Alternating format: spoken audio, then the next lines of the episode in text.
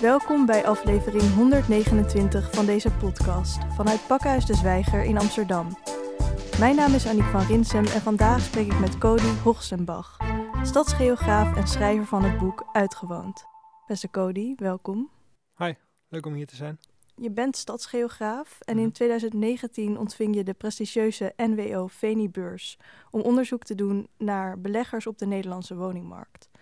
Eh, wat maakte toen er tijd dat jij in dat onderwerp je wilde gaan verdiepen? Nou, dat kwam natuurlijk niet uit de lucht vallen. Ehm, tussen 2013 en 2017 deed ik onderzoek naar gentrificatie in Amsterdam en Rotterdam. Dus de opwaardering en de verjupping van voorheen eh, betaalbare buurten met veel goedkope woningen voor mensen met een lager inkomen. En toen, dat was eigenlijk een voorloper zou je kunnen zeggen van de wooncrisis. Toen was de wooncrisis nog vooral merkbaar en voelbaar en zichtbaar in de grote steden. En dan in specifieke buurten in de grote steden. En 2019 kwamen beleggers, of 2018 eigenlijk al, kwamen beleggers steeds meer in het nieuws. Op een gegeven moment hing eh, Amsterdam volgeplakt met eh, posters van Juri Veerman met eh, de pandjesprins, prins Bernhard, die 349 huizen in bezit heeft om daarmee huurders uit te melken en huurders het leven een stukje minder prettig en aangenaam te maken. Dus ik dacht gedurende 2018, het is een fenomeen wat flink aan het groeien is. En het is ook een fenomeen wat veel verontwaardiging oproept in het publieke debat.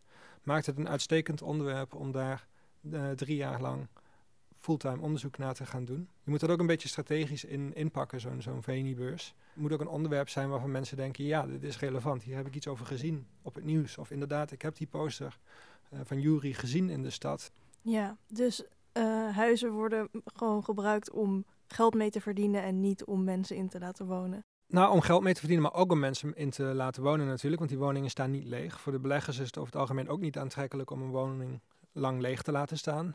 Beleggers willen die woningen vullen om huren te onttrekken. Maar aan de ene kant krijg je een hurende klasse van mensen die een steeds groter deel van hun inkomen kwijt zijn aan wonen.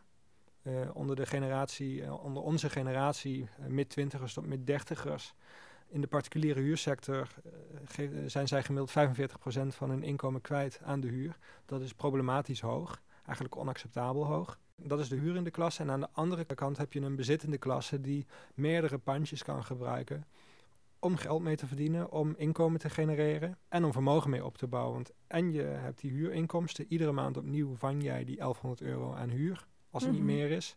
En daarnaast wordt die woning, in de huidige stand van zaken in ieder geval, ook alleen nog maar meer en meer en meer waard. Dus het is ook nog eens een vorm van vermogensopbouw. En als je, als je sociale media gebruikt, bijvoorbeeld Instagram, dan heb je heel erg dat dat algoritme je een bepaalde hoek induwt. En ik zit heel erg op Instagram in een eh vastgoedspeculant eh, algoritme eh, gevangen.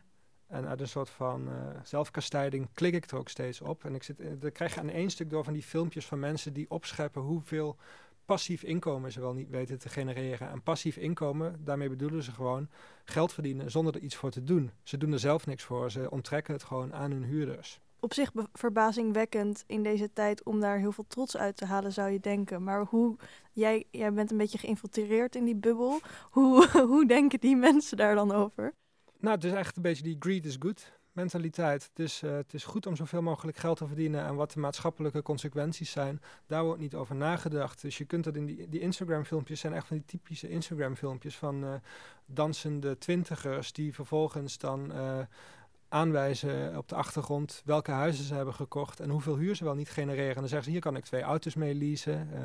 of hier op een gegeven moment had je Ryan Babel, de profvoetballer die ook eh, pronkte hoe hij eh, zijn huurders liet betalen voor zijn Rolex, zijn eh, dure horloge.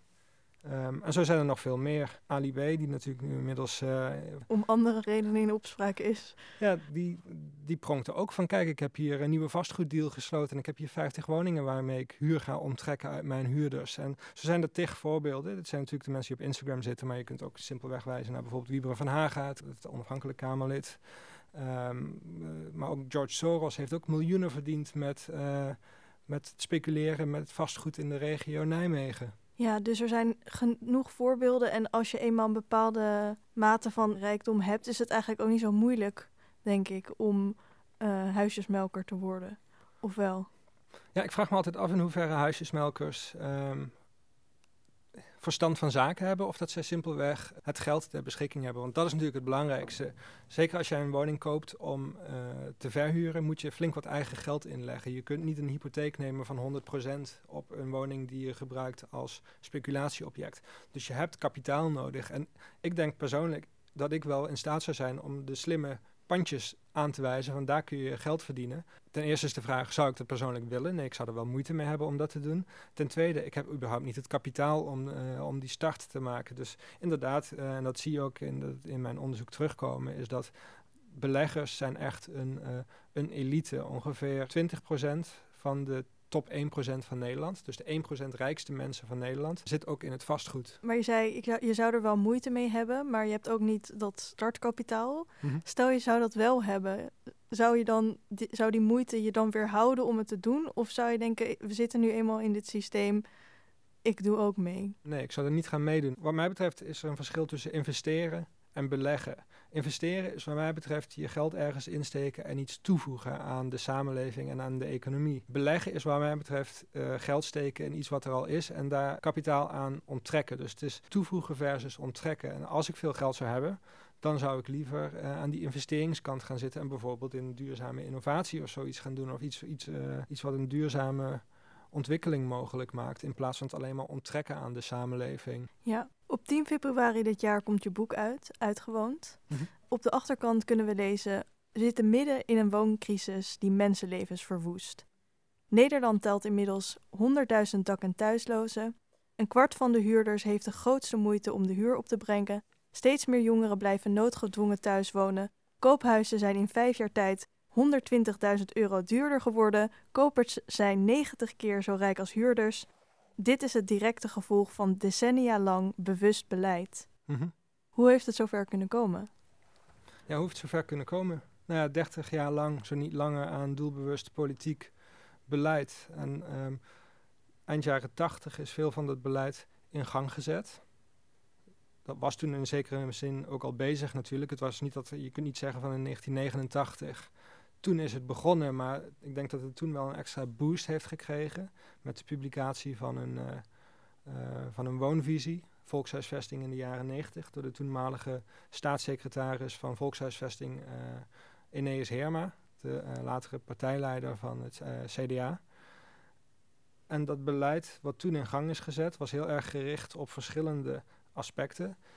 twee kernelementen die toen nadrukkelijk naar voren kwamen, waren aan de ene kant het verheffen van eigen woningbezit tot echt een ideaal. We zijn geobsedeerd geraakt met het kopen van een woning.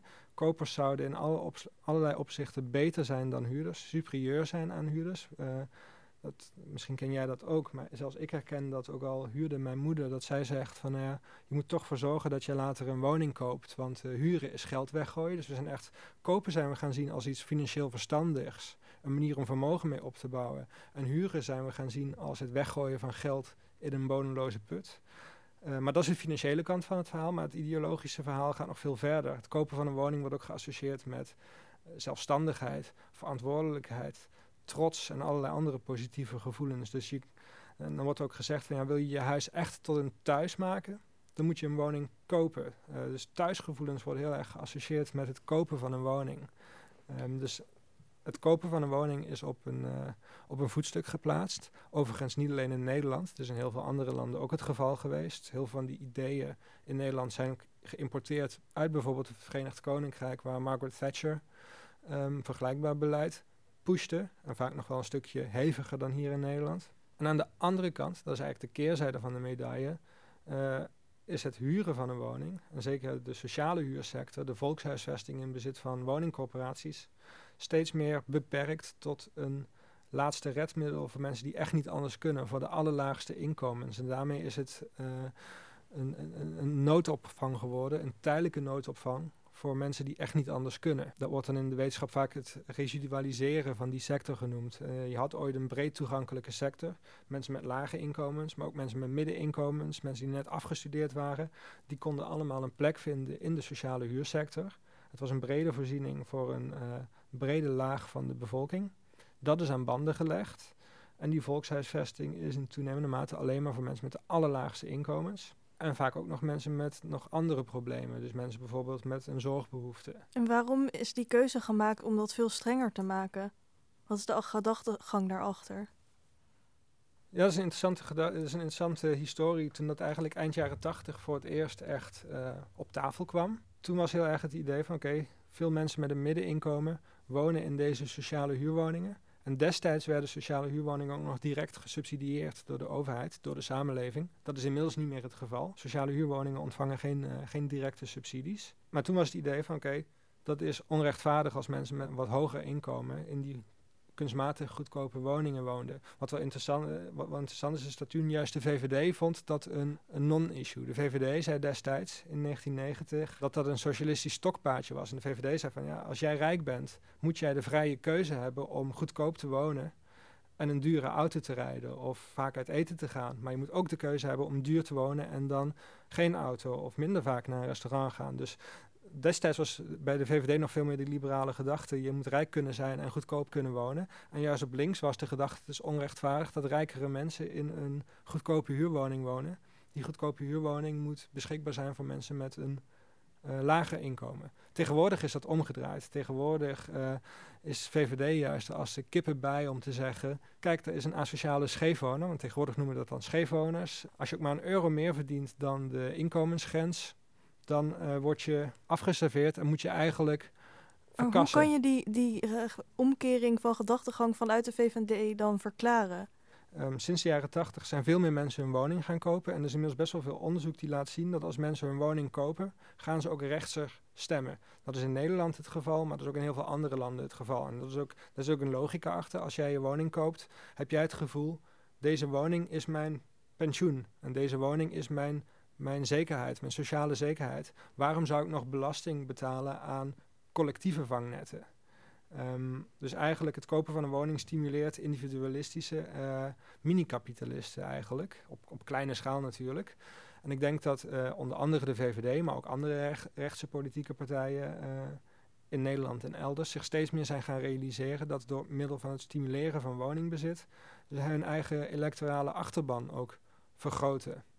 Ik denk dat dat een belangrijk onderdeel van het verhaal is. Interessant. Ik denk dat een ander onderdeel van het verhaal is, is dat die, die, hun, hun benadering in de jaren negentig van je moet die keuzevrijheid hebben, goedkoop wonen en een dure levensstijl elders, dat dat nog veel meer gedreven werd door een set liberale waarden die nu minder makkelijk te bekennen zijn bij de VVD. Ja, interessant. En je zei al eerder van er, er heerst het, het kopen van een woning zit op een, uh, een voetstuk geplaatst. Op een voetstuk geplaatst. En dat dat ook een manier is van hoe we dat zijn gaan waarderen in de maatschappij. Dat is heel logisch dat dat subjectief is. Mm -hmm. Maar je zegt ook er is een financiële uh, reden waarom dat op een voetstuk wordt geplaatst. Namelijk het is een investering. Je hebt er heel veel aan zelf als je je huis kan kopen. En het huren van, van een huis is eigenlijk geld weggooien. Maar jij bent het daar geloof ik niet mee eens. Nee, daar ben ik het inderdaad uh, niet mee eens. Ik denk dat het belangrijk is om te realiseren dus dat die ideologie van woningbezit aan de ene kant een heel erg subjectieve dimensie heeft. Namelijk die gevoelens van trots, verantwoordelijkheid, bur goed burgerschap.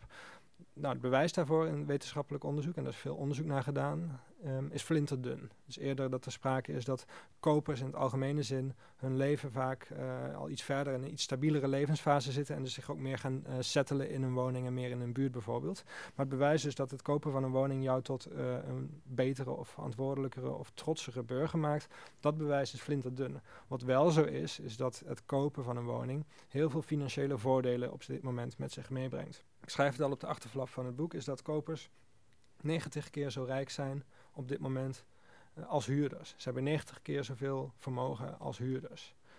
Um, gemiddeld?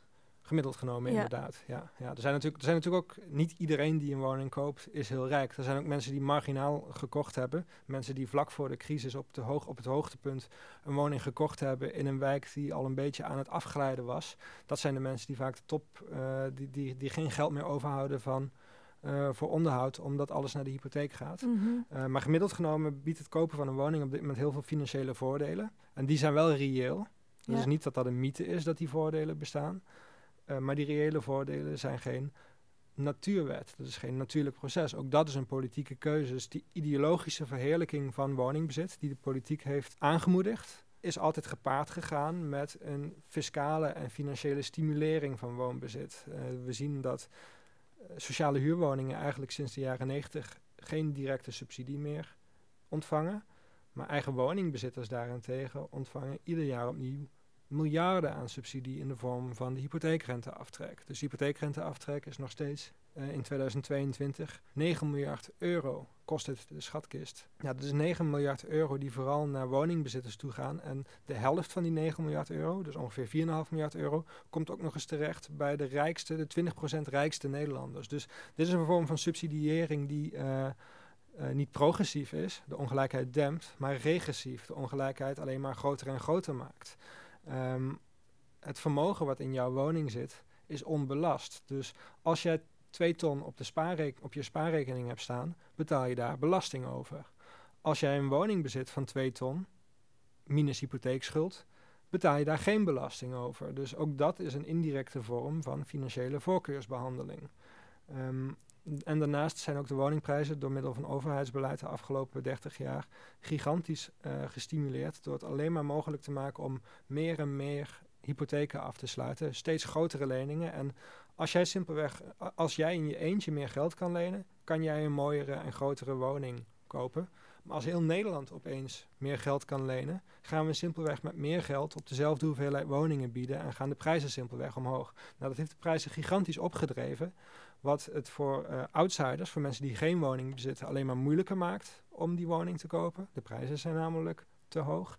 En aan de andere kant, voor de insiders, de mensen die wel al een koopwoning hebben, betekent dat een gigantische vermogensvermeerdering. Ja, dus het is wel zo dat in dit systeem het enorme voordelen heeft als je een huis kan kopen. Maar dat komt omdat we zoveel, of de politiek jarenlang zoveel waarde heeft gehecht uh, aan het kopen van een woning, waardoor alles in dienst daarvan is gaan staan, maar dus niet voor iedereen.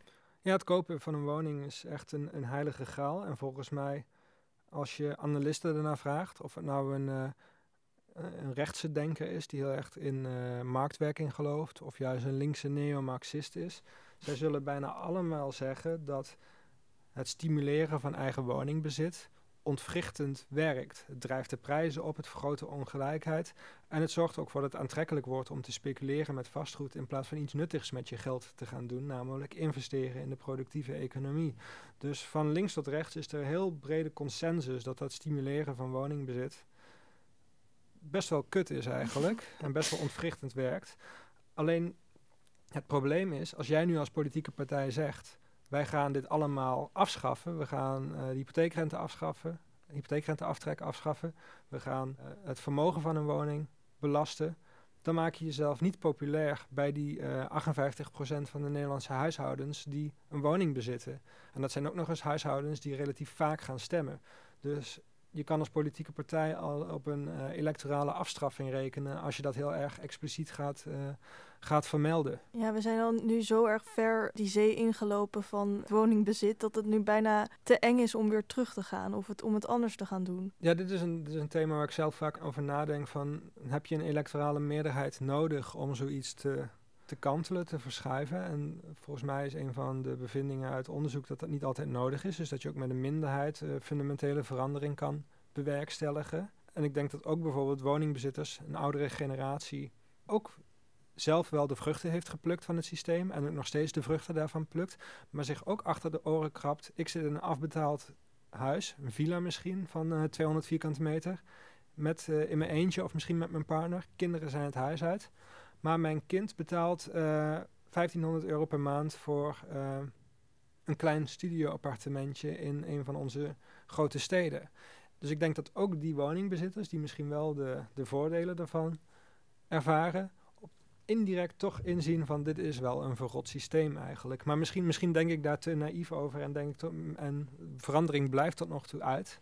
Ja, dus die mensen in die Instagram-bubbel waar jij nu in geïnfiltreerd bent, die denken daar misschien anders over. Mm -hmm. Maar misschien het grootste gedeelte uh, ziet heus, heus wel in dat het en ja, dat het systeem niet, niet helemaal klopt. Ja, alleen het raakt je niet direct. Ik denk ook dat dat uh, in mijn boek, uh, begin, ik begin mijn eerste uh, echte hoofdstuk, na de inleiding begin ik met een hoofdstuk of een deel over dakloosheid. En ik denk dat dakloosheid een heel goed voorbeeld is hiervan. Dus het aantal dakloze mensen voor dak- en thuisloze mensen, is de afgelopen tien jaar pak een beet verdubbeld. Of je nou de strenge CBS-cijfers erop nahoudt, of je neemt een ruimere definitie die verschillende vormen van dakloosheid en thuisloosheid meeneemt, dan zie je dat de afgelopen tien jaar het aantal dak- en thuisloze mensen ongeveer verdubbeld is tot inmiddels 100.000 in, in Nederland.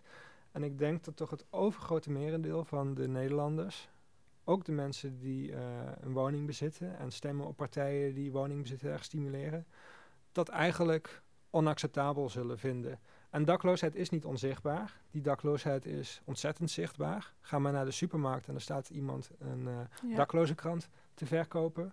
Ik zie in toenemende mate ook om mij heen hier in Amsterdam mensen in portieken slapen, onder bruggen slapen. Dus die dakloosheid is heel, uh, heel zichtbaar. Maar tegelijkertijd raakt het je persoonlijke leven niet. Je ziet die dakloze krant verkopen misschien wel uh, voor de Albert Heijn staan.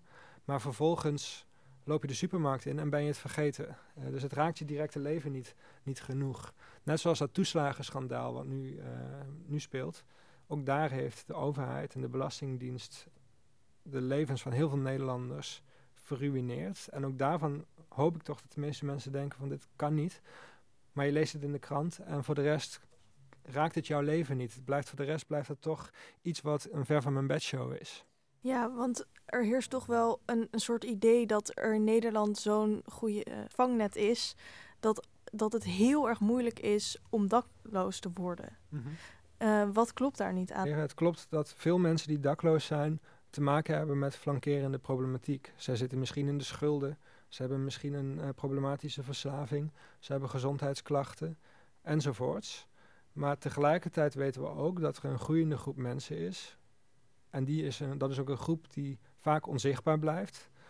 Um, die die problemen niet heeft en die simpelweg dakloos raken omdat zij de woning niet meer kunnen betalen of omdat er iets gebeurt in het leven, misschien een echtscheiding of zo die dusdanig ontwrichtend is en dat er geen alternatieve woning direct beschikbaar is. Dus ik denk dat er een groeiende groep mensen is die zonder die extra problemen toch met dakloosheid geconfronteerd wordt. Laat ik het voorbeeld geven van uh, uit mijn eigen jeugd. Mijn vader is op een gegeven moment ook op straat beland en is ook uh, een jaar of twee dakloos geweest. En hij had daarvoor een sieradenwinkel in de binnenstad van Maastricht. Dus daarvan kun je zeggen, dat is echt middenklasse, echte middenstand. Een eigen winkeltje, Soms had hij personeel als het even wat beter ging. Soms had hij geen personeel als het even wat rustiger was in de rustigere maanden. Maar hij had gewoon een winkeltje en dat runde die en dat leek allemaal wel goed te gaan. Maar op een gegeven moment uh, bleek, dat was natuurlijk al veel langer aan de hand, maar dat had ik als kind, ik was toen een jaar of dertien, niet door bleek dat, die, uh, dat hij gigantische schulden had opgebouwd met zijn winkel. Want je moet eerst allerlei dingen inkopen en dan moet je daarna gaan verkopen. En dat ging eigenlijk allemaal uiteindelijk toch niet zo lekker. En ook de binnenstad werd op dat moment opnieuw betegeld, de straten. Dus dat betekende dat zijn, de straat waar zijn winkel lag veranderde een aantal maanden lang in een zandbak. Wat natuurlijk een hele erg negatieve impact heeft op jouw klandizie en jouw omzet. Uh, dus die omzet kelderde. En de schulden liepen op. En omdat hij boven die winkel woonde, en ik was daar meestal in de weekenden en door de week was ik bij mijn moeder, um, raakte hij niet alleen zijn uh, winkel kwijt, maar ook zijn woning kwijt. En zo zie je dat iemand die best wel tot de middenstand behoort, winkelier, um, binnen een paar maanden tijd dakloos kan, kan raken. En zelfs als je het er zelf naar hebt gemaakt, zelfs als je op straat bent gekomen door jouw eigen domme fout. En, en dat, je, dat je echt kunt zeggen van ja, oké, dit is wel echt jouw schuld geweest. In heel veel gevallen zal dat niet het geweest zijn. Dan nog, als jij het recht op huisvesting serieus neemt, dan zeg je iedereen heeft recht op huisvesting. Op, op een woning. ja. En iedereen, dat is een onwrikbaar recht. En zelfs als je stappen verkeerd hebt gemaakt in het leven, vinden wij alsnog dat jij wel aanspraak moet maken op dat minimum. Ja, maar even terug naar het voorbeeld van, van je vader. Want um, wat is er toen heeft hij toen lange tijd geen huis gehad? Waar, Mhm. waar verbleef hij toen en hoe is dat toen gegaan? Ja, hij is ongeveer een jaar of twee lang dakloos geweest. Mijn vader sliep vaak eh, bij een opvanglocatie van het, eh, van het leger des Heils. Maar eigenlijk sliep hij in veel gevallen, als het weer een beetje te doen was, liever buiten. Want die opvanglocaties waren wat hem betreft ongelooflijk naargeestig. Die opvanglocaties eh, kon je ook niet echt tot rust komen. En hij voelde zich er ook gewoon onveilig. En een van de anekdotes die ik opschrijf in het, in het boek... is een van de weinige dingen die hij overigens mij verteld heeft over die dakloosheid. Het was een periode waar hij weinig over sprak. Maar wat hij wel vertelde was, ook in die opvanglocaties voelde hij zich onveilig. Want hij lag in een zaal met 40, 50 bedden. Uh, en veel van de andere mensen, of niet veel, er waren altijd wel, was sowieso altijd een kabaal. Er was allerlei gesnurk en gejammer en gekreun. En het was heel moeilijk om slaap te vatten. Maar hij voelde zich er ook niet veilig, omdat er ook gewoon verwaarde mensen tussen waren. Um, dus als hij s'nachts ging slapen, zette hij op zijn bed bovenop hem een stoel. En die stoel diende als een soort van early warning system. Dus als de mensen, als de mensen hem iets zouden willen aandoen s'nachts, dan moesten ze eerst langs die stoel zien te komen voordat ze bij hem waren. En dat zou dan geluid maken en daarvan zou hij dan wakker worden. Dus ook, die, uh, ook die opvanglocatie was allerminst een, een, pretje. Hij voelde zich ongelooflijk slecht. Hij sliep eigenlijk liever buiten als het weer dat toeliet. Maar buiten had je dan weer dat je gecriminaliseerd wordt. Als jij buiten uh, slaapt, kun je weggejaagd worden door de politie. Als je buiten plast, kun je een boete krijgen. Um, natuurlijk niet alleen als je dakloos bent, maar juist, uh, juist dakloze mensen hebben vaak geen andere optie dan wildplassen. Um, dus je wordt ook daar constant opgejaagd. En af en toe kon hij dan slapen bij um, kennissen die hij dan nog had. Die waren dan bijvoorbeeld een weekendje weg of ze waren op vakantie en dan kon hij gebruik maken van dat huis. Maar hij maakte eigenlijk liever geen gebruik van die goodwill, want hij dacht, die goodwill is beperkt en die kan ik beter reserveren, bewaren voor een echt noodgeval, als het echt noodzakelijk is, als de nood heel hoog is, dan wil ik gebruik kunnen maken van de steun van die mensen. En als ik nu al die steun opgebruik, dan, dan sta ik later in een slechte positie om er alsnog gebruik van te maken. En wat een noodgeval is, verschuift natuurlijk redelijk. Als, als jij of ik op straat zouden belanden nu, zouden we misschien ook in eerste instantie denken van ik ga naar vrienden of kennissen toe. Maar als het dan wat langer speelt, ben je geneigd om toch te denken van nee, dit is een beetje de, de stand van zaken. En ik bewaar die, uh, bewaar die mogelijke steun echt uh, tot het laatste moment. Ja, dit is echt een heel goed schrijnend voorbeeld van hoe je in zo'n afhankelijke positie wordt mm -hmm. geduwd. Want zelfs al was die opvang um, veilig, mm -hmm. dan alsnog kan ik me voorstellen dat het zo emotioneel heftig is en misschien wel vernederend voelt om mm -hmm. in, een, in zo'n opvang te moeten slapen, waar je waar je dus echt als, als dak- en of thuisloos ook wordt behandeld. -hmm. Ja, ik denk dat vernedering inderdaad het goede, goede woord is. En dus ik denk ook dat we vernedering niet als een passief gegeven moeten beschouwen, maar dat we ook dat actief moeten maken en ook moeten zeggen, um, de politiek vernederde, mijn vader in dit geval, de politiek vernedert al die mensen die op dit moment dak- en thuisloos uh, zijn.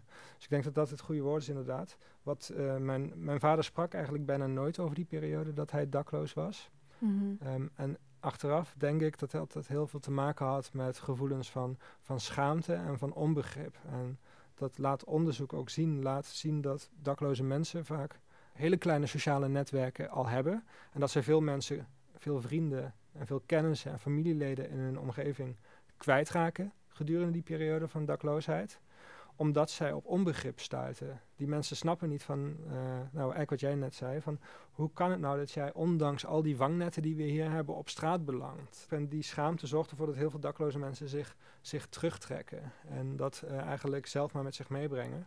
En uh, mijn vader kreeg na een jaar of twee kreeg hij weer een woning, maar volgens mij hield die schaamte aan. En hij heeft al, daarna was hij veel. Hij was daarvoor was hij echt een winkelier. Dus hij kon met iedereen een, uh, een gesprekje maken. aanknopen, inderdaad. Of het nou een ander dakloos persoon was, of een, uh, of een wethouder, of een, uh, of een zakenman. Maar eigenlijk na die periode was hij een heel, leefde hij een heel erg teruggetrokken bestaan. En heel erg in zijn schulp gekropen. Geen, geen mensen over de vloer. hij deed nooit iets, was altijd op zichzelf. Ik kwam af en toe langs. Um, maar daar bleef het dan ook wel eigenlijk bij. Wat ik nog wel een belangrijk punt vind om te maken, is van hoe kwam die op een gegeven moment weer aan die woning? Dus tijdens zijn, uh, tijdens zijn dakloosheid begon hij zich te, te bemoeien met het uh, dakloosheidsbeleid. Hij vond dus die, die slaapzalen vond hij een, een hel. En hij vond van we moeten, we moeten gaan werken aan kleinschaligere opvang. Kleine kamers of kleine eenheden, dat je toch wat meer tot rust kunt komen in die opvang. Dus hij werd cliëntenraadslid bij het uh, leger des Heils en dat werd een betaalde baan. En die betaalde baan um, was vervolgens bewijs of, of, was reden om hem een urgentiestatus te geven voor een sociale huurwoning, zodat hij met voorrang een sociale huurwoning kon krijgen. En dat wist ik al langer, maar laatst uh, vertelde ik dat verhaal aan, aan Jan de Vries. En Jan de Vries is een expert in mensenrechten. En hij vertelde van ja, dat is een heel goed voorbeeld wat eigenlijk laat zien dat in jouw vaders geval huisvesting geen recht was, maar iets wat hij moest verdienen. Ja. Hij moest laten zien dat hij zijn eh, schulden aanpakte. Hij moest laten zien dat hij ehm, werk had gevonden. Hij moest laten zien dat hij het waard was om die woning weer te, krijgen. En toen pas kreeg hij de woning. En dat is heel exemplarisch voor het dakloosheidsbeleid wat we in Nederland en heel veel andere landen voeren. Namelijk, als jij op straat belandt, moet jij eerst al je andere problemen oplossen of op zijn minst aanpakken. En dan pas krijg je als sluitstuk een woning. Dus je moet eerst door allerlei hoepels heen springen met als beloning aan het eind toch weer die woning. En dat is eigenlijk een bizarre denkwijze wat mij betreft. Het zou namelijk veel logischer zijn om mensen meteen een woning te geven. Want die woning is die cruciale, stabiele basis van waar je kan werken aan, eh, aan je schulden, aan je psychische problemen, aan je verslaving enzovoorts. Nu is het zo dat vaak als mensen zonder problemen op straat belanden, zonder gezondheidsproblemen, zonder verslaving, dan ontwikkelen ze alsnog die problemen op straat. Omdat je de hele dag op straat, eh, dat is niet bepaald bevorderlijk voor je gezondheid. En vaak uit verveling komen er dan ook kleine criminele vergrijpen bijvoorbeeld bij kijken. Ehm, dus, en dat, dat idee van geef mensen nou eerst een woning als stabiele basis, dat wordt het housing first principe genoemd. Eerst een woning en daarna herstel. Finland is een beetje de poster child, het voorbeeld van dat housing first beleid. Daar hebben ze dat heel erg eh, breed geïmplementeerd. En in Finland zie je ook dat de dakloosheid de afgelopen eh, jaren gigantisch is afgenomen. Als enige land in Europa, in alle andere landen, inclusief Nederland, is de dakloosheid juist toegenomen.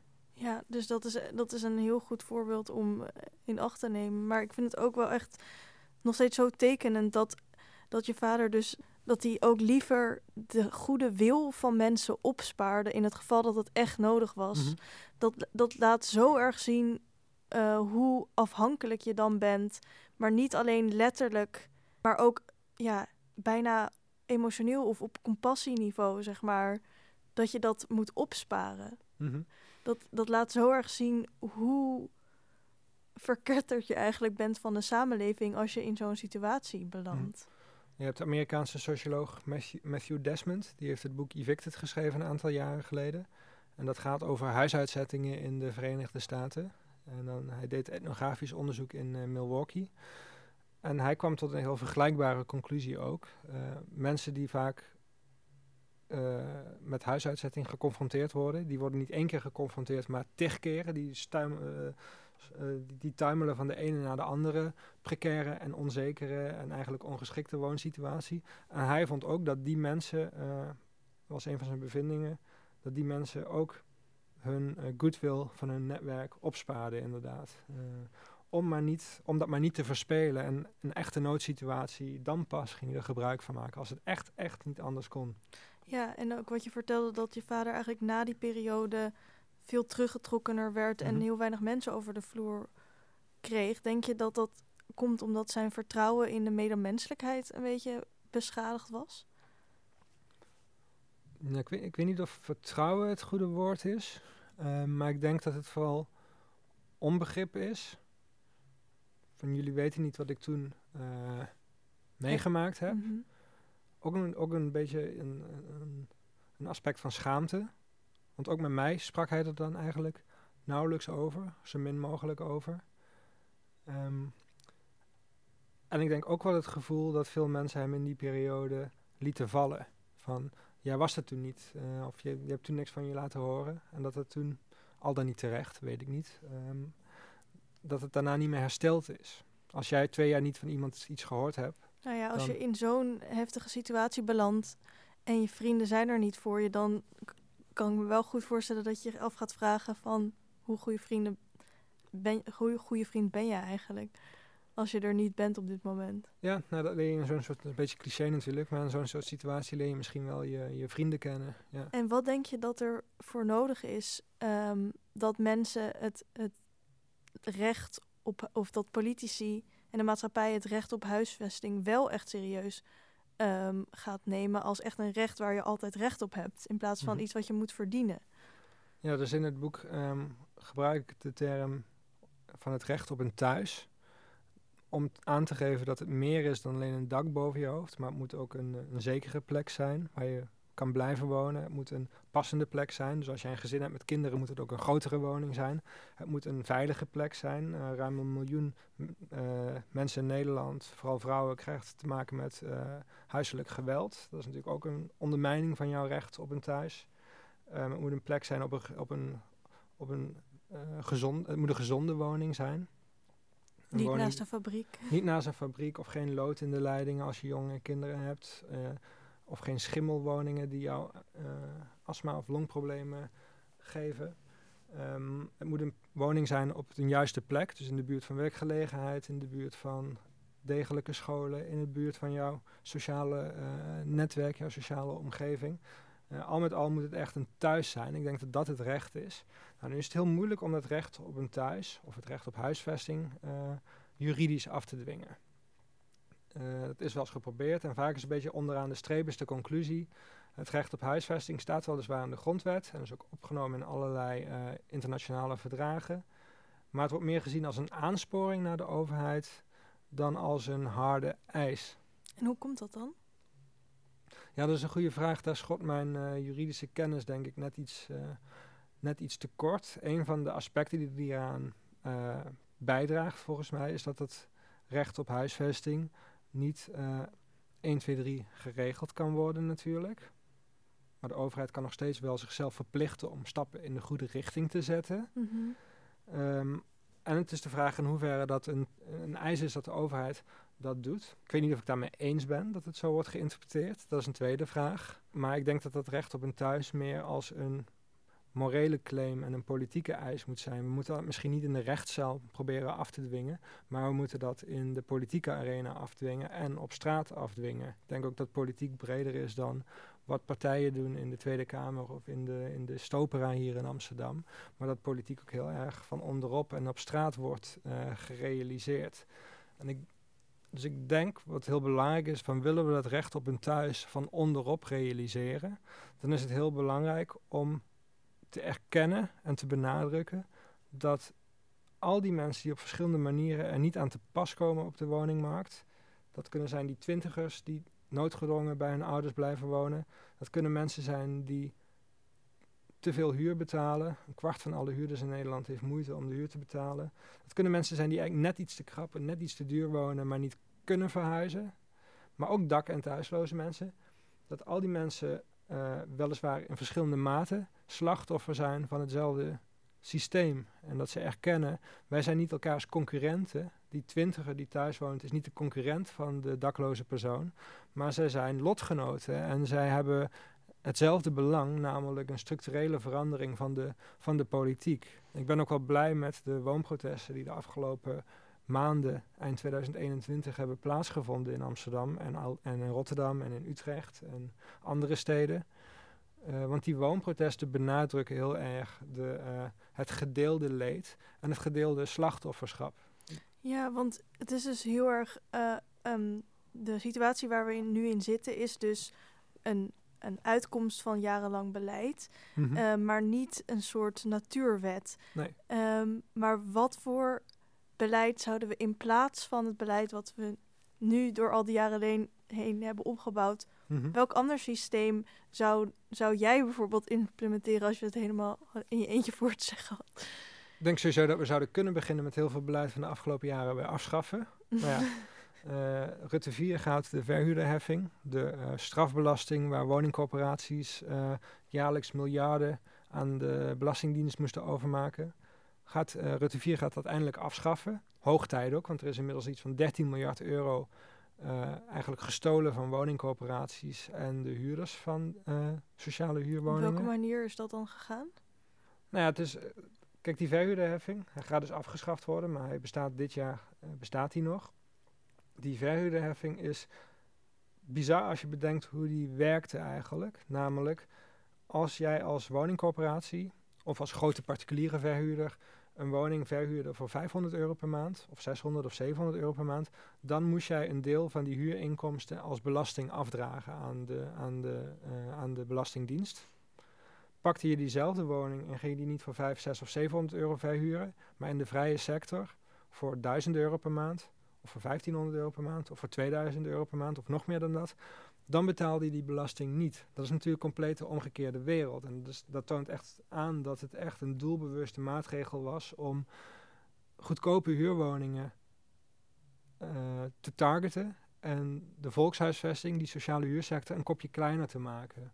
Dus ik vind dat er geen, geen enkele logische basis is voor deze belasting. Zijn er, heb je wel eens argumenten gehoord die, die hebben getracht om er een logische basis aan, aan te hangen? Of? Nou, het is altijd verkocht uh, aan de ene kant als een bezuinigingsmaatregel. Hij werd in 2013 ingevoerd. het idee was, we moeten het uh, huishoudboekje van de staat op orde krijgen. En we moeten, iedereen moet de broekriem aantrekken, ook woningcorporaties. En die hebben veel geld op de bank staan. Nou, omdat al die woningen zijn veel geld waard natuurlijk. Iedere woning representeert een bepaald vermogen. Uh, dat was één argument. En dat kwam ook op een, precies op een periode uh, dat er heel veel misstanden waren bij woningcorporaties. Vestia, Rotterdamse corporatie, ging miljarden speculeren op financiële markten en hebben daar ook miljarden mee verloren. Um, hier Mullenkamp, de directeur van Rochdale hier in Amsterdam, reed rond in een Maserati en was niet vies van uh, vriendjespolitiek. Um, Woonbron in Rotterdam kocht een cruiseschip uh, waar zij honderden miljoenen euro verlies op hebben gelezen, uh, geleden. En ook Savatius, de woningcorporatie waar mijn moeder bij huurde, um, stapte in een megalomaan studentencampusproject waar ze Calatrava, een Spaanse sterarchitect, hadden ingehuurd om een studentenflat te ontwerpen. Calatrava heeft het metrostation bij de World Trade Center in New York ontworpen. Niet per se de architect die je wil hebben om een studentenflat te bouwen. Daar zijn ook is ook 100 miljoen euro uh, volgens mij pakken een beet uh, verdwenen. Dus er waren allerlei misstanden bij woningcorporaties. En dat bood de politieke window of opportunity uh, aan de rechtse politiek om woningcorporaties een kopje kleiner te maken en om de volkshuisvesting verder te marginaliseren. Maar het was niet de aanleiding, het was alleen maar de window of opportunity, de, mm uh, de mogelijkheid. En een gouden kans om eigenlijk dat, uh, die, die woonpolitiek van het stimuleren van woningbezit en het delegitimeren en het onaantrekkelijk maken van sociaal huren, uh, om, om dat beleid alleen maar verder en verder door te drukken. Ja, maar het was op zich, als er zoveel misstanden zijn, dan is het op zich wel logisch om daar dan iets aan te gaan doen. Mm -hmm. Maar deze maatregel was denk ik niet echt een echt antwoord daarop. Ja, dus wat je ziet is dat de afgelopen jaren als gevolg van onder andere die verhuurderheffing, maar die verhuurderheffing was ook geen geïsoleerde maatregel. Er waren nog andere belastingen die woningcorporaties kregen, iets minder grote belastingen, maar ook allerlei andere beperkingen.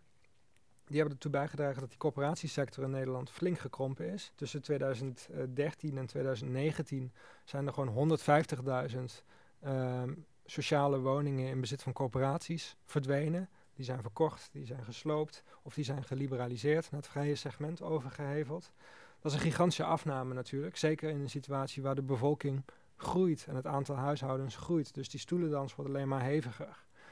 Um, de bouw van nieuwe sociale huurwoningen is uh, ten opzichte van 2013 en de jaren voor 2013 gehalveerd. In, in 2013 werden er nog ongeveer 30.000 corporatiewoningen gebouwd in een jaar. De afgelopen jaren is dat stevast om en nabij de 15.000. Dus nogal, nogal wie dus dat je dan langere wachttijden krijgt. En dat je inmiddels 14 jaar moet wachten op een sociale huurwoning in, in, in Amsterdam. Gaan we nog verder terug in de tijd. In de jaren 80 waren er gewoon jaren dat woningcorporaties en gemeentes tot wel 60.000 sociale woningen per jaar bouwden. Ja, maar we waren ook nog midden in een, uh, in een toekomstplaatje van hoe jij het, zou, toekomst, ja. hoe, hoe, jij het zou doen uh, om het, het, systeem gewoon anders te als, maken. Als, als, wetenschapper ben ik sowieso altijd beter in het uh, leveren van kritiek dan het aanreiken van oplossingen. Laat ik dat als disclaimer geven. Nou, daar zullen ook niet elke wetenschapper het mee eens zijn, maar goed. um, wat ik denk is dat het heel belangrijk is om die volkshuisvesting weer te omarmen. En het omarmen van de volkshuisvesting mo moet moet wat mij betreft gepaard gaan met het afbouwen, of eigenlijk het geheel afschaffen van alle voordelen van woningbezit. En het weer gaan investeren in echte volkshuisvesting. Dus betaalbare huurwoningen. Dus tot een maximum van zeg 700, 800 euro per maand. Voor een brede laag van de bevolking. Voor mensen met een laag inkomen, maar ook die middeninkomens. Ook uh, academici. Uh, dat die allemaal terecht kunnen in een sociale huursect, in een sociale huurwoning. In een betaalbare sociale huurwoning. Dus dan moet je uh, de, op dit moment zijn de inkomensgrenzen voor de sociale huursector heel streng getrokken. Die kun je weer verhogen naar een hoger niveau, maar dan moet je tegelijkertijd ook het aantal sociale huurwoningen vergroten. Ehm, ik, in mijn boek onder andere put ik inspiratie uit het Weense voorbeeld. En dat is wel exemplarisch, want 20, 30 jaar geleden was Amsterdam de volkshuisvestingshoofdstad van de wereld. Ehm, internationale delegaties kwamen juist naar Amsterdam om te kijken hoe hier de volkshuisvesting georganiseerd werd. En inmiddels zijn we juist die, die, die, reputatie als hoofdstad van de volkshuisvesting kwijtgeraakt. En is Wenen de volkshuisvestingshoofdstad van, uh, van Europa in ieder geval geworden. Tweederde van alle mensen in Wenen huurt een uh, sociale huurwoning. En als jij een gezin bent met kinderen, kun je tot een inkomen van 85.000 euro kun je huren in het sociale segment. Dat is heel erg bevorderlijk voor de sociale menging, want de hoogleraar woont in hetzelfde blok als de loodgieter. De wachtlijsten voor de sociale huursector, ik zei al, er zijn 14 jaar in Amsterdam. Ze zijn 14 maanden in Wenen. En de gemiddelde huurprijs in, in Wenen is um, voor een appartementje van 75 vierkante meter moet je denken aan ongeveer uh, eh, 450 euro per maand. Nou, wat, is de, wat is de reden dat het in Wenen blijkbaar wel kan? En in Nederland en in Amsterdam is de sociale huursector veel kleiner geworden de afgelopen jaren. In Wenen is die juist uh, blijven groeien in aantallen. Het geheim is niet eens zo heel moeilijk. Er wordt gewoon geld ingepompt. 1% van alle belastinginkomsten in Wenen. Wenen is een eigen boendesland en heeft redelijk veel vrijheid hoe ze de belastingen uh, uitgeven. 1% van de belastinginkomsten wordt geoormerkt. Dit is voor volkshuisvesting. Dus jaarlijks wordt er gewoon, worden er gewoon honderden miljoenen euro's gepompt in de volkshuisvesting om nieuwe woningen mee te bouwen, om het aanbod op peil te houden, om woningen te verduurzamen. Er zit een gigantische verduurzamingsopgave natuurlijk aan te komen, om de huren laag te houden, om noodzakelijk onderhoud te plegen. Um, dus het is, echt, ja, het is echt hoog tijd voor weer een investeringsagenda, een massale investeringsagenda. En ja, dat gaat heel veel geld kosten. Um, maar het is ook prima betaalbaar, want op dit moment gaat 9 miljard euro per jaar naar de hypotheekrenteaftrek. Als je dat alleen al in de uh, volkshuisvesting steekt, ben je al een heel eind. En het lijkt me ook een heel goede investering. Um, om toch even terug te komen op dakloosheid. Dat is denk ik een van de groepen die het meeste baat heeft bij meer sociale huurwoningen. Zelfs als heel het verhaal van menselijkheid en sociale waarden je niks boeit. Iedere dakloze persoon kost de Nederlandse overheid, of eigenlijk de belastingbetaler, um, ehm, 30.000 tot 100.000 euro per jaar. En waar, uh, waar gaat dat geld dan in? Waar zit dat hem in?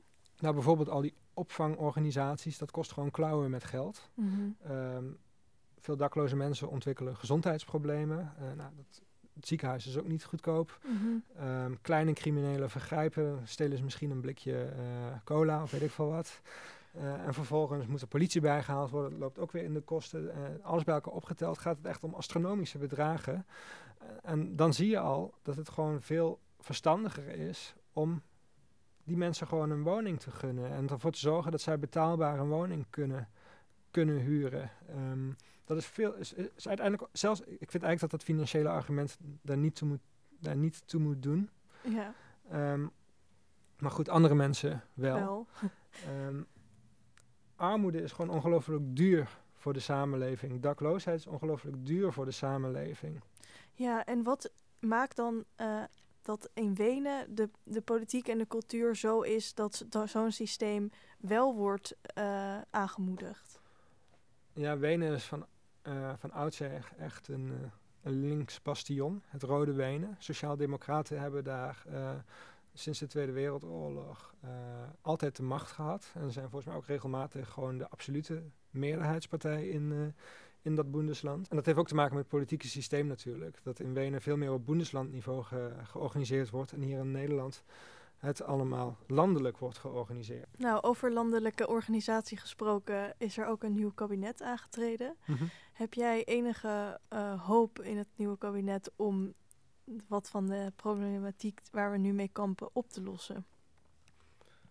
Enige hoop is voorzichtig geformuleerd. Mm -hmm. um, kijk, ik denk dat uh, als dezelfde partijen weer met elkaar in zee gaan en eigenlijk hetzelfde beleid blijven nastreven, verwacht ik geen fundamentele verandering. Ik denk dat er wel kleine positieve tekens zijn. Het afschaffen van de verhuurderheffing is volgens mij echt een goede stap.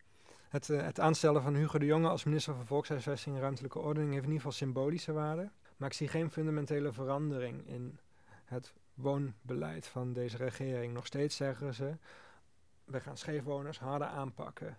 Um, we gaan het, het, het, stimuleren dat mensen een koopwoning uh, bemachtigen. Dat blijft ook het hoogste goed. Um, de vermogens blijven onaangetast. Um, de hypotheeknormen blijven gigantisch ruim. We blijven afhankelijk van uh, beleggers die uh, veel te kleine en veel te dure studiootjes bouwen. Uh, blijven van die types afhankelijk. Dus er zijn een paar kleine tweaks die volgens mij de goede richting op gaan. Afschaffen van de verhuurderheffing is er een van afschaffen van de jubelton, dus de ton belastingvrij die rijke ouders aan hun geprivilegeerde kinderen kunnen geven, die gaat ook per 2024 pas verdwijnen. Um, een minister van Volkshuisvesting en Ruimtelijke Ordening heeft symbolische waarde. Het, het, onderwerp staat veel meer ook op de politieke agenda. Dat zijn volgens mij allemaal stappen in de goede richting. Maar ik denk dat het echt de ambitie moet zijn, fundamentele verandering. En dat zie ik niet gebeuren op dit moment. En dan zie je dat ze als oplossing voor de dakloosheid komen met 10.000 flexcontainers. Nou als je 10.000 flexcontainers bouwt voor 100.000 dak- en thuisloze mensen, dat gaat niet passen. En die flexcontainers zijn vaak van die uh, armoedige uh, containers op braakliggende modderveldjes ver buiten de stad. Ik denk ook dat als je dakloze mensen wil huisvesten, of statushouders, dat is ook een van die doelgroepen van die containers, of mensen die net uit een vechtscheiding komen, huisvest ze niet op een afgelegen modderveldje in een, in, in in een afstandse zeecontainer, maar zorg ervoor dat zij onderdeel worden van een prettige wijk waar zij kunnen deelnemen aan het maatschappelijk leven. Ja. En ik, ik ben bang dat, want er wordt nu heel erg, zeker uit de rechtse politiek, wordt ook ingezet op bouwen, bouwen, bouwen. En ik denk dat het belangrijk is dat we meer woningen bouwen. Maar laten we het alsjeblieft met beleid doen. En laten we alsjeblieft nadenken, waar gaan we woningen bouwen? En wat voor woningen bouwen we? En voor wie bouwen we die woningen? Um, en zorg ervoor dat we aantrekkelijke woonwijken maken die voor uh, een breed deel van de bevolking uh, betaalbaar en aangenaam zijn. En die ook nog eens bestendig zijn met de uh, ontluikende klimaatcrisis. Um, en wat moet er voor gebeuren dat dat gaat gebeuren? Volgens mij een fundamentele herziening van de waarde van wonen. En dat zie ik op dit moment niet gebeuren. Um, op dit moment is het toch vooral van hoe kunnen we zorgen dat we zoveel mogelijk woningen neerplempen. En dan is vaak de uh, de oplossing of het antwoord is minder regels en meer ruimte voor ontwikkelaars. En ik denk als je alle regels zou afschaffen, dan zouden ontwikkelaars misschien wel de kwantitatieve woningnood, dus het absolute woningtekort, oplossen. Maar dan krijg je wel uh, dat ze de spaarzame uh, groene ruimte die we nog hebben in Nederland volbouwen met allemaal veel te dure rijtjeshuizen of nog wat sloppen voor de laagste inkomensgroepen. Dus ik denk dat er echt met visie nagedacht moet worden van hoe kunnen wij aantrekkelijke woonwijken maken voor een breed deel van de bevolking. En uh, wat duurzaamheid betreft zit het nu vaak al goed met het bouwen van uh, klimaatneutrale woningen of zelfs klimaatpositieve woningen en ook liefst natuurinclusieve woningen, zodat ze de biodiversiteit uh, enigszins waarborgen. Maar nog steeds heb je dan dat partijen als het CDA of JA21 nieuwe steden intekenen op de laagste stukjes grond van Nederland die over een x aantal jaar onder water staan. Dus, maar wat moet er dan gebeuren zodat die visie met beleid bouwen en overal rekening mee houden dat dat gaat gebeuren? Hm, dat is een goede vraag. Ik denk dat er moet gebeuren dat we van onderop dat uh, erop blijven hameren dat uh, wonen een recht is.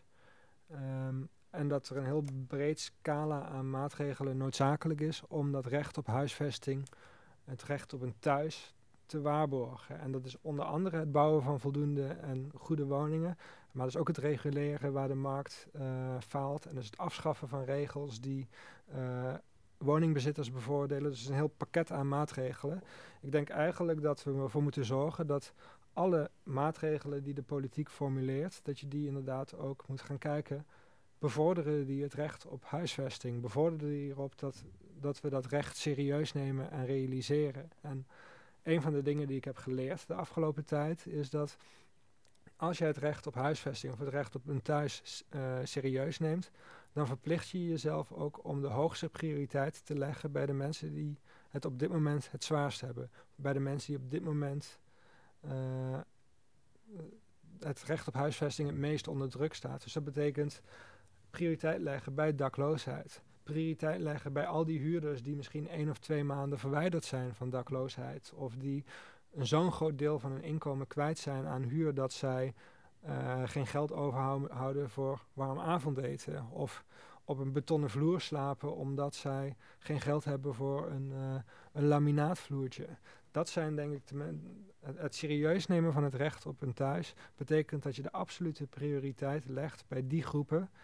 En daar heeft uiteindelijk iedereen baat van. Tot slot, heb je nog een boodschap voor onze luisteraars? Ik zou vooral willen meegeven, dus ik vertrouw er niet op dat de politiek van bovenaf de wooncrisis op een goede wijze gaat oplossen. Dus um, blijf, uh, blijf erop hameren dat het recht op een thuis verwezenlijkt moet worden. Um, houd de politiek daarvoor verantwoordelijk. Maak je boos om de wooncrisis. Um, maak je boos om je eigen situatie. Maak je boos om de situaties die je in je omgeving ziet, uh, bij vrienden of bij andere mensen op straat. En realiseer je, dit is niet onze eigen schuld. Dit is de schuld van de politiek dat, uh, dat we te maken hebben met zo'n diepe wooncrisis. En zorg voor die uh, fundamentele verandering. Ik geloof niet dat dat van bovenaf gerealiseerd wordt, dus dan moet het van onderop. Heel veel dank, Cody Hoogsenbach. Beste luisteraars, dit was aflevering 129 van de podcastserie van Pakhuis de Zwijger. Wil je meer weten? Kom of kijk dan op dinsdag 15 februari om 8 uur naar de boekpresentatie van Uitgewoond. In Pakhuis de Zwijger of via dezwijger.nl slash live. Een rating achterlaten of je abonneren op deze podcast kan via Soundcloud, Spotify, Apple Podcast of een ander podcastplatform. Dank voor het luisteren en tot de volgende keer.